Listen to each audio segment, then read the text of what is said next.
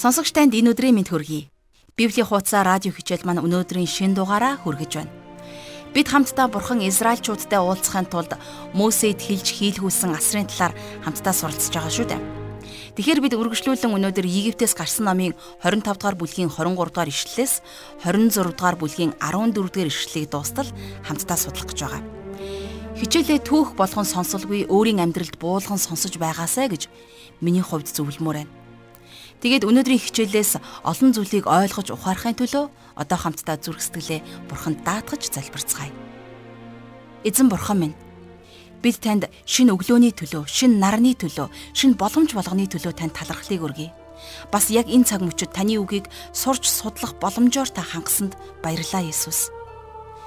Таны миний амьдралд хийсэн бүх зүйлийн төлөө бид танд талархлыг өргөж амьдрна бас амьдралдаа тохиолдож байгаа зовлон бэрхшээлүүдээр таны юу ойлгуулах гэснийг хичээлээр тайлж сурна гэдэгт бид найдаж байна. Бид бас энэ цагийг танд даатгаж байна. Энэ хичээлийг эхлэхээс та дуусах хүртэл тэр сонсох боломжоор та биднийг ивэж юрөөж өгөөрэй. Бид танд бүх зүйлээ даатгаж Есүс Христийн нэрээр залбирлаа. Амен. Харин одоо жаргал агшин ярианд анхаарлаа хандуулъя.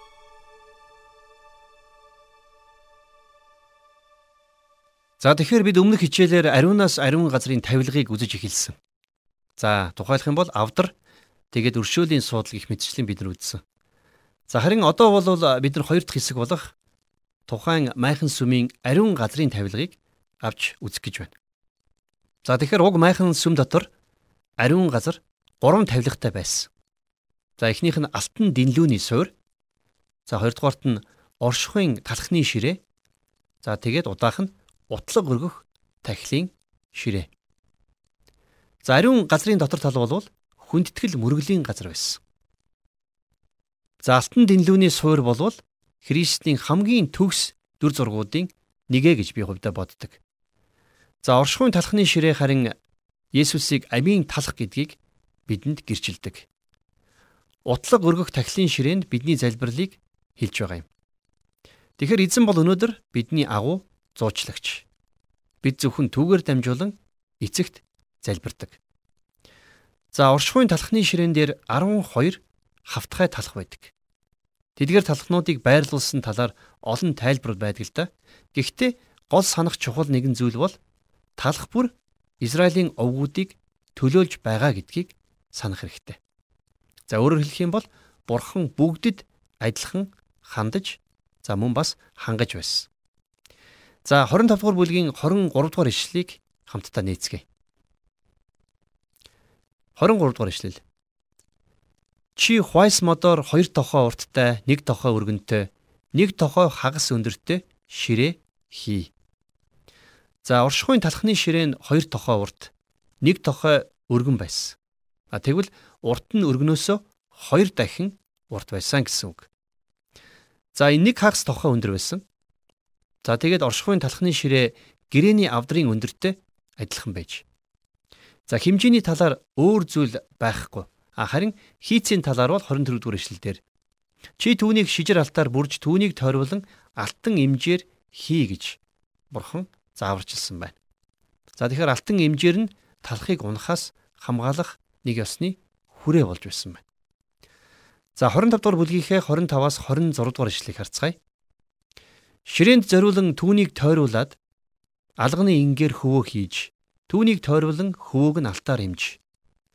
Түүнд зориулж чи дөрвөн алтан цаграг хийж дөрвөн хөлнийх нь дөрвөн өнцөгт нь тэдгэрийг байрлуул.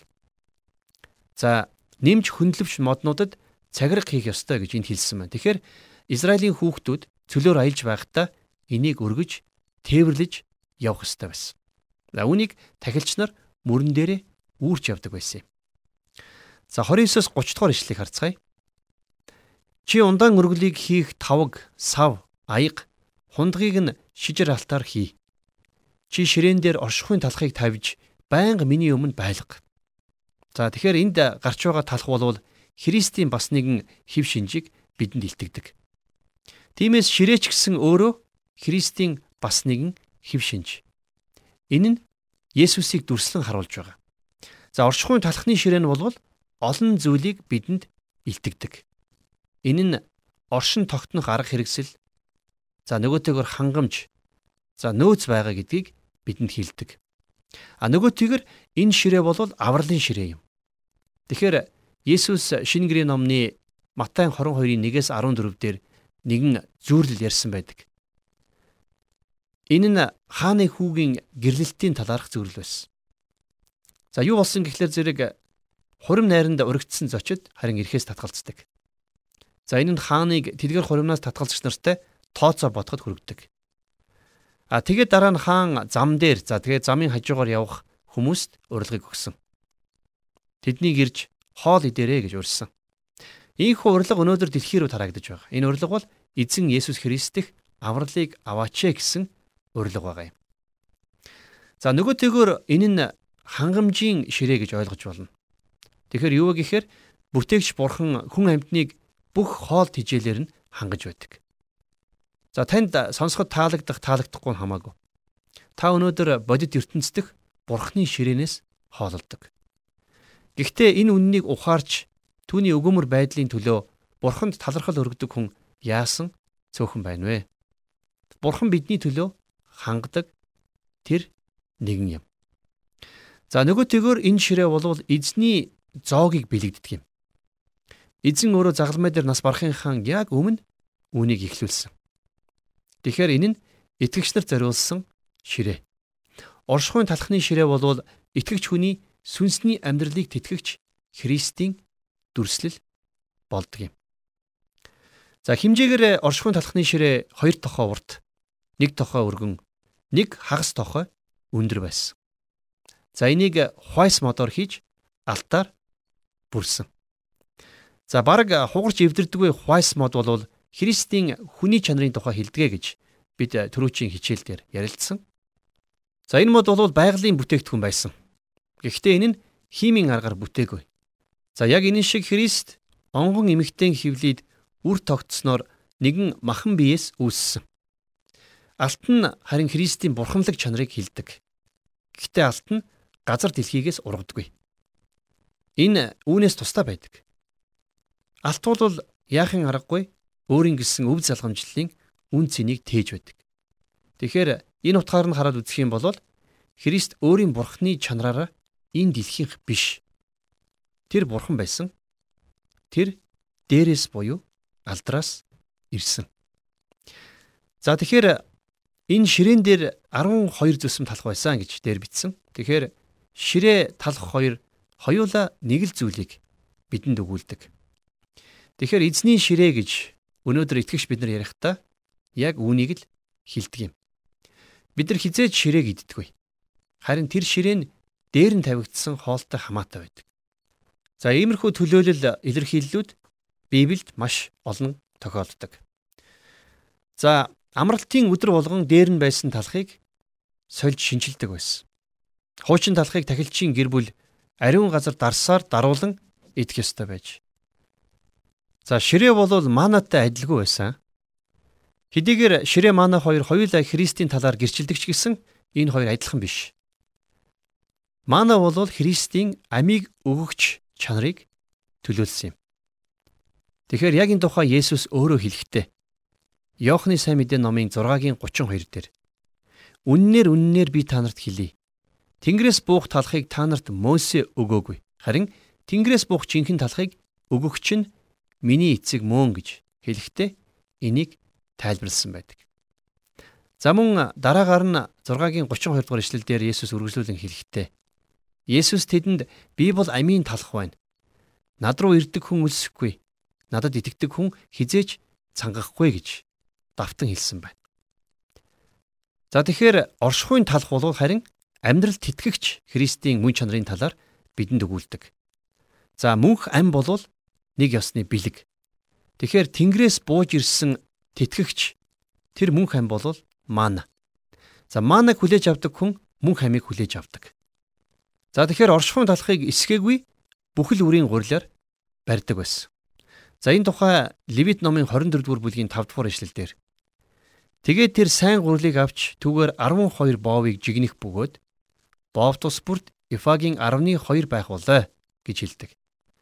Тэгэхээр бид нэр эзэн Есүс үннээр үннээр би танарт хэлье. Хэрвээ улаан буудаан үр газар унаад үхэхгүй бол тэр ганцаараа үлдэнэ. Харин хэрвээ тэр үхвэл олон үр бий болгоно гэж хэлсэн сургаалыг энд давхар санах хэрэгтэй. Тэгэхээр эзэн Есүс Христ өөрөө зовлонгийн терэмд унсан байсан. Тэгэхээр хүн төрлөختний төлөөх өөрийнхөө зовлон шаналлын тухай Есүс хэлэхдээ Одоо сэтгэл минь шаналж байна. Би юу гэж хэлэх юм бэ? Аава, энэ цагаас намайг авраач гэх үү? Гэвч би энэ зорилгын төлөө энэ цагт л ирсэн гэж хэлсэн байдаг.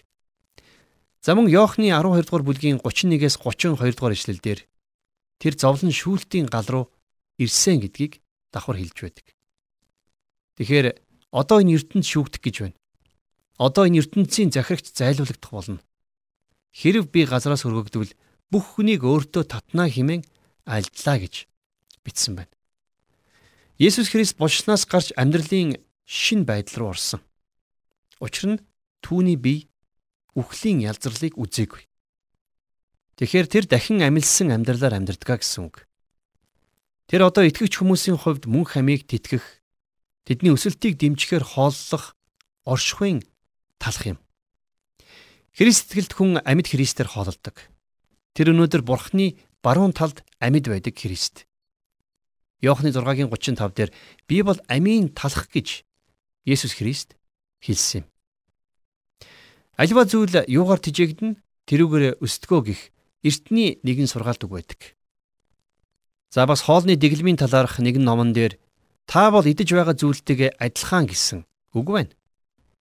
Тэгэхээр өнөөдрийн э, бидний өмнө байгаа нэгэн том бэрхшээл юу вэ гэхээр Христийн үн цэнээр хоололдгүй Христ итгэлт олон хүмүүс бидний дунд байгаа явдал юм. Тийм учраас өсөхийн тулд та түүгээр хооллох хэрэгтэй байдаг. Тэгэхээр төлөөлөгч Паул Коринтотынд бичсэн 2 дугаар загтлынхаа 5-ын 16 дугаар ишлэлдэр Иймд үүнээс хойш бид хэнийг ч махан биеийн дагуу үзэхгүй. Хэдийгээр бид Христийг махан биеийн дагуу мэддэг байсан ч гэсэн Идүгэ бид түүнийг дахиад тийм байдлаар нь мэдэхгүй гэж хэлсэн байдаг. Тэгэхээр бид нар Христийг махан биеийн дагуу бол мэдэхгүй. Бид тэр өнөөдөр ямар байгаагаар нь түүгээр тижээгдэх ёстой. Тэр бол амьд Христ. Бид түүнийг харснаар өсөх ёстой байдгийг. За одоо харин үргэлжлүүлэн ариун газрын бусад тавилгын тухай суралцгаая. За ариун газарт байсан дараагийн тавилга бол дэнлүүний суурь байсан. За ихэнх орчуулгууд энийг лааны суурь гэж хэлдэг. Гэхдээ энэ нь үнэхээр дэнлүүний суурь байсан гэдгийг санах хэрэгтэй.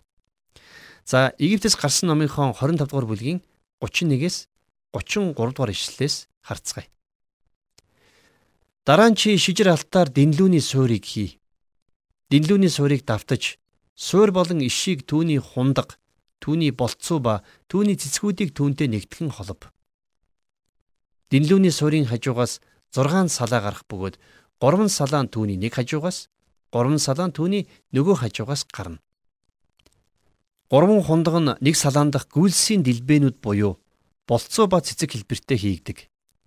3 хундаг нь нөгөө салаан дахь гүйлсийн дэлбэнүүд буюу болцоо ба цэцэг хэлбэртэй хийгдэг. Динлүүний суураас гарсан 6 салгааны хувьд адил хий гэж бурхан зааварчилсан байна.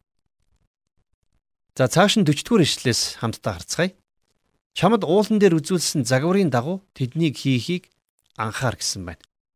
За тэгэхээр динлүүний суур асрын тавилгууд бол Христийн хамгийн төгс дүр зургийг илэрхийлдэг. За дахин хэлэхэд динлүүний суур цэвэр алтаар хийгдсэн байсан. Энэ нь Есүсийн бурханлаг чанарыг бидэнд илэрхийлэн харуулдаг юм. Хүндэтгэл мөрөглөн гэрэл дотор алхахтай хамт хийгдэх ёстой байдаг. Энэ бол харах шаардлагатай маш чухал баримт байгаа юм. За бид оршихуйн талхны ширээг судаллаа. Эндээс бид нар Бурхныг хүндлэн мөргөхдөө эзэн Есүс Христээр тижээгдэх ёстой гэдгийг хэлж байгааг ойлгож авсан. Хэрвээ та ямар нэгэн чуулганд очиод зүгээр л зугаа гаргах гэж нэг унших ном аваад тэрнийг хилцэж эсвэл нийгмийн зарим асуудлыг сонсох хотоо яаж сайжруулах тухай хилцэх нь хүндэтгэл мөргөл биш. Та зүгээр л нэг уулзалтанд л очиж байгаа хэрэг. Гагцхүү оршихуйн талх болох түүгээр хооллсон үед л та бурханд хүндэтгэл мөрөглийг үйлдэж байгаа хэрэг. За одоо бурхныг үннээр хүндэтгэн мөргөхийн тулд та гэрэл дотор алхах ёстой. Тэгэхээр Есүс Христ бол гэрэл. Ариун газар дахь дэнлүүний суурь энийг бэлэгддэг. Хэрвээ та байгалийн гэрлийг хүссэн бол асраас гадагшаа гарах ёстой байсан. А хэрвээ та дэнлүүний суурийн гэрэлд алхахыг хүссэн бол та асрын дотор орох ёстой болно. За тэгэхээр энэ тухай Иохны сайн мэдээ номны 1-р бүлгийн 9-р эшлэлдэр ертөнцид эрх хүн бүрийг гэрэлтүүлдэг жинхэнэ гэрэл гэж Есүс Христийг тодорхойлон хэлсэн байдаг. Бусдад үгсээр зөвлөдөг хүмүүс байдгийг та мэднэ. Тэгэхээр гүн ухаан, дими хоосон мэхлэлтээр бид нар хуурдагдаж болно гэдгийг бидэнд сануулсан хэлсэн ч үг байдаг. За төлөөлөгч Паул Колоссе хотынд бичсэн захидлын 2-ын 8 дугаар эшлэлдэр юу гэж хэлснийг хамтдаа уншицгаая. Хин нэгэн та нарыг Христийн дагуу биш харин ертөнцийн үндсэн зарчмууд хүний уламжлалын дагуух гүн ухаан болон хоосон мэхлэлээр олзлохгүй хэмээн сэрэмжлэгтөөн гэж бичсэн байна. Тэгэхээр Христ бол мэдлэггүй өгсөөр зөвлөгөөг харанхуйлсан өөр нэгэн гүн ухаантан биш. Тэр бол Бурхны хөө. Түүн дотор харанхуй гэж огт байдаггүй юм. За, дэнлүүний суурийг цул алтаар хийсэн байсан. Энэ нь давтаж хийсэн дээд зэрэгэр чимгэлсэн бүтээл болсон. За, дэнлүүний суур нь гол иш. За, тэгээд энэхүү ишнээс тал бүртээ салаалсан 3 салаа. Тэгээ нийтдээ 7 салаатай байсан. Салаа бүр нь жимс цэцэг дэлбээ бүхий гүйлс модны мөчр шиг байсан байна. За тэгээд оройд нь гүйлсийн дэлбэлсэн цэцэг байсан. Үүнийг тосоор дүргэж динлүг асах ёстой байж. За гүйлс модны болцоонууд яг мод шиг харагддаг байсан. Гэхдээ тэднийг бүгдийг нь алтаар хийсэн. За энэ бол бидэнд Аароны өнөөх нахиалсан тайгийг санагдуулж байна. За 10-ны тахилчийн бүрэн ирэх асуудалтай байх үед түүний гүйлсэн таяг навчилсан нь түүнийг тахилж байх эрхийн суурь болсон. Үхсэн мөчөр гүйлсэн таяг амьдрч жимс өгөх ёстой байсан. Христ өөрийн үхлээс дахин амьлалтаараа Бурхны хүү болон тавигдсан. Тэгэхээр дахин амьлалт нь Христийг Бурхны хүү болгоогүй. Харин тэр угаасаа үн мөнхөөс Бурхны хажууд байсан. Дахин амьлалт бол түүнийг Бурхан байсан гэдгийг зүгээр л баталсан. Харин Аарон нь бурхнаар томилогдсон тэрүүн тахилж байсан юм. Энэ байр суурь нь үхмэл гүйлсэн таягийн дахин шинчлэгдэн нахиалснаар батлагддаг. Үүний адил Христийн дахин амьлалд түүний тахилчийн байр суурийг тогтоодог. Христ бол бидний агуу тэрүүн тахилч. Тэр хүн болон энэ дэлхийд ирсэн. Тэгээд хүн бидний бүх чанарыг авч харин нүгэлгүй хэрнээ бидэн шиг бүх талаар соригдсон гэж Библи бичигдсэн байдаг. Гэхдээ түүний тахилж байх гол үндэс бол түүний бурхан чанар. Тахилж бурхны өмнө хүнийг төлөөлдөг байсан. Хүн болсон бурхан Христ одоо хүнийг төлөөлдөг бурхан хүн юм. За намайг мэддэг ойлгодог тэр нэгэн тэнгэрт байдаг. Тэр надад тусалж чадна.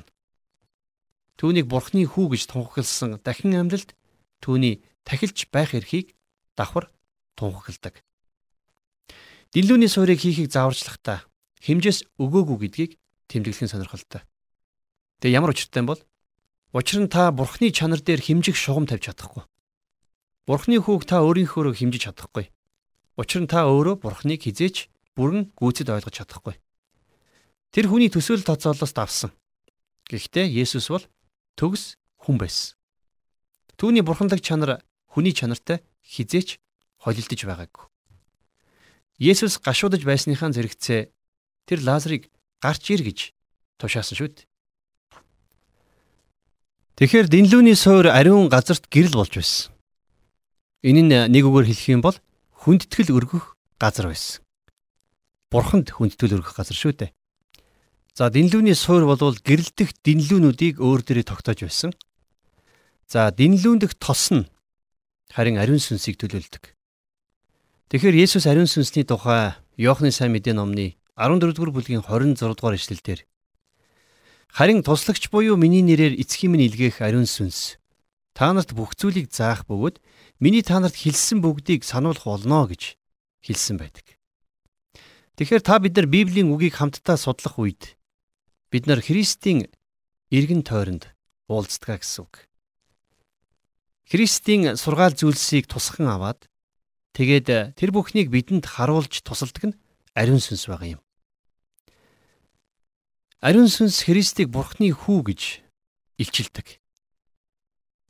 Ариун сүнс бидний төлөө газар дэлхий рүү илгээгдсэн. За ингээд хамтдаа 26 дугаар бүлгийг нээцгээе. За тэгэхээр 26 дугаар бүлгийн эхний ишлэл дээр Цааш нь чи нарийн нэгсэн майланг болон хөх ягаан час улаан өнгийн даавуугаар 10 бүрээстэй асар хийгтэн. Эдгээрийг чи урам хүний урлал болох хэрүүбүүдийн хамтаар хийлгэгтэн гэсэн. Тэгэхээр асрын дээр дөрвөн бүрээс байсан. За эхнийх нь бүрээс бол майланган бүрээс байсан. За энэ хүү майланган бүрээсээр 30 тохой урт, 10 тохой өргөн, 10 тохой өндөр асрын хэсгийг бүрхдэг байж. Энэхүү майланган бүрээс асрын хажуугаар унжиж байсан ч гэсэн газар шүргэх ёсгүй байсан юм. За дараагийн ишлэгийг харъя 7 дугаар ишлэл.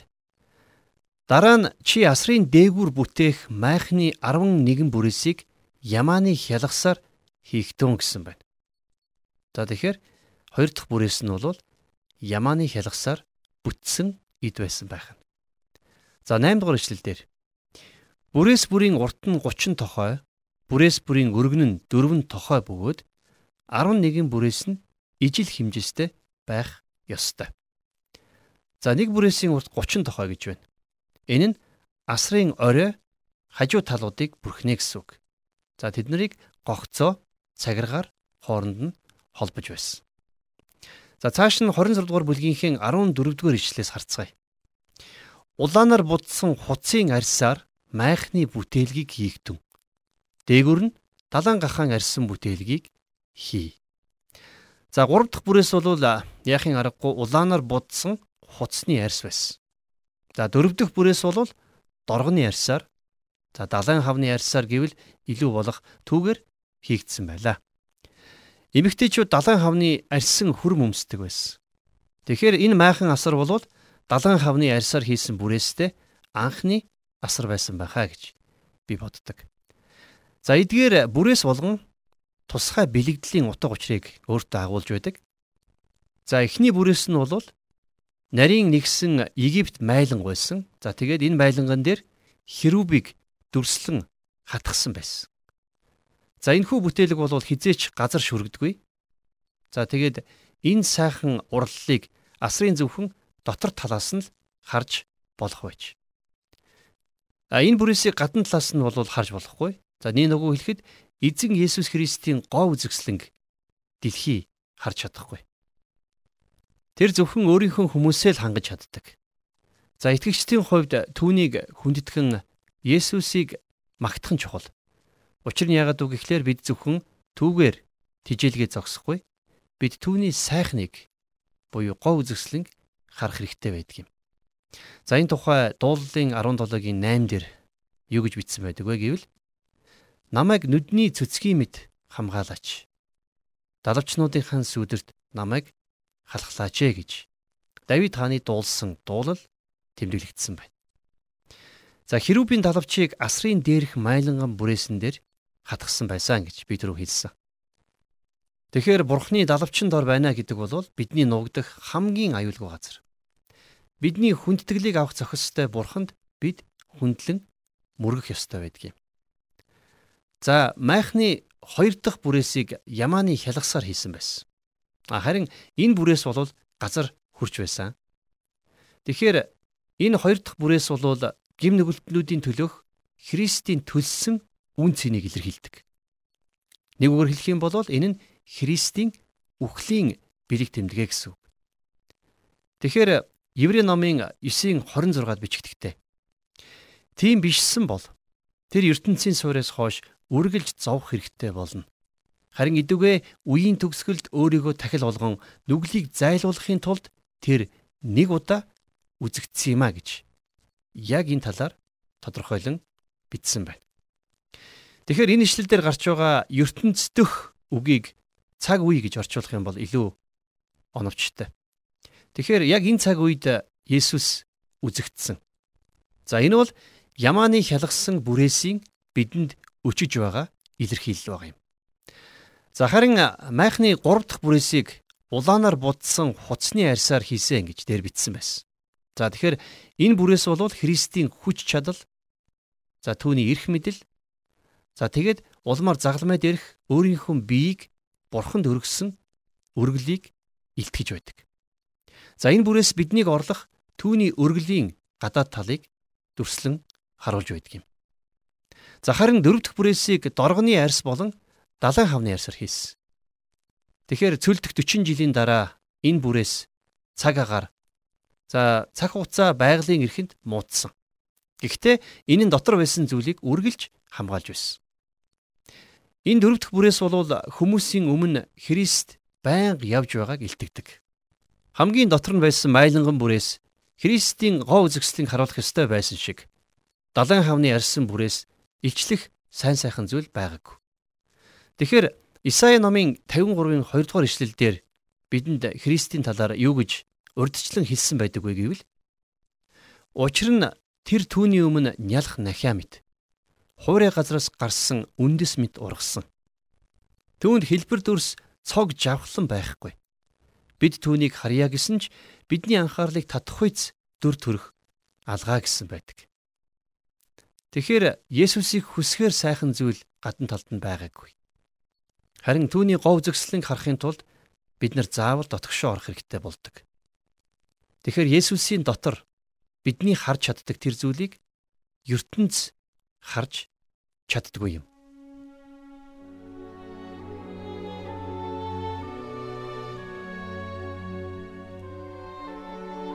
Тэгэхээр хичээл заасан жаргал агштаа баярлалаа.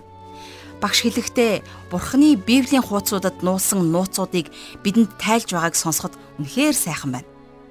Мэдлэгт мэрэгэн цоохор мэддгүйд ирээн цоохор гихчээр хин нэгэн тайлбарлахгүй бол анзаарахгүй а бас уншихад төдийлөн ойлгомжгүй хэсгүүд Библийн зарим нэг номуудад нилээд түгээмэл ажиглагддаг. Бас бурхан бидэнд өөрийн хэл дээрээ Библийн бичээсийг эхнээс нь тайлбартаагаар сонсох боломжийг өгсөнд үнэхээр их том ивэл шүү. Ингээд өнөөдрийн хичээлээ хамтдаа өндөрлөөд бурханд хандаж залбирцгаая. Эзэн бурхан минь бид танд талархлыг өргөе. Учир нь таны талаар бараг хов жившиг мэдээнд амьдарч ирсэндээ бид нар уучлалтыг гуйж байна. Та сул дорой надад сонсох чих дагах итгэл найдварыг зөвшөөрч өгөөрэй. Бас сонсож мэдсэн зүйлээ бид амьдралдаа хэрэгжүүлмээр байна. Бид бас олон хүмүүст гэрчлэл болгон амьдрмаар байна. Бид танд ам амьдралаа даатгаж Иесус Христийн нэрээр талархан залбирлаа. Амен.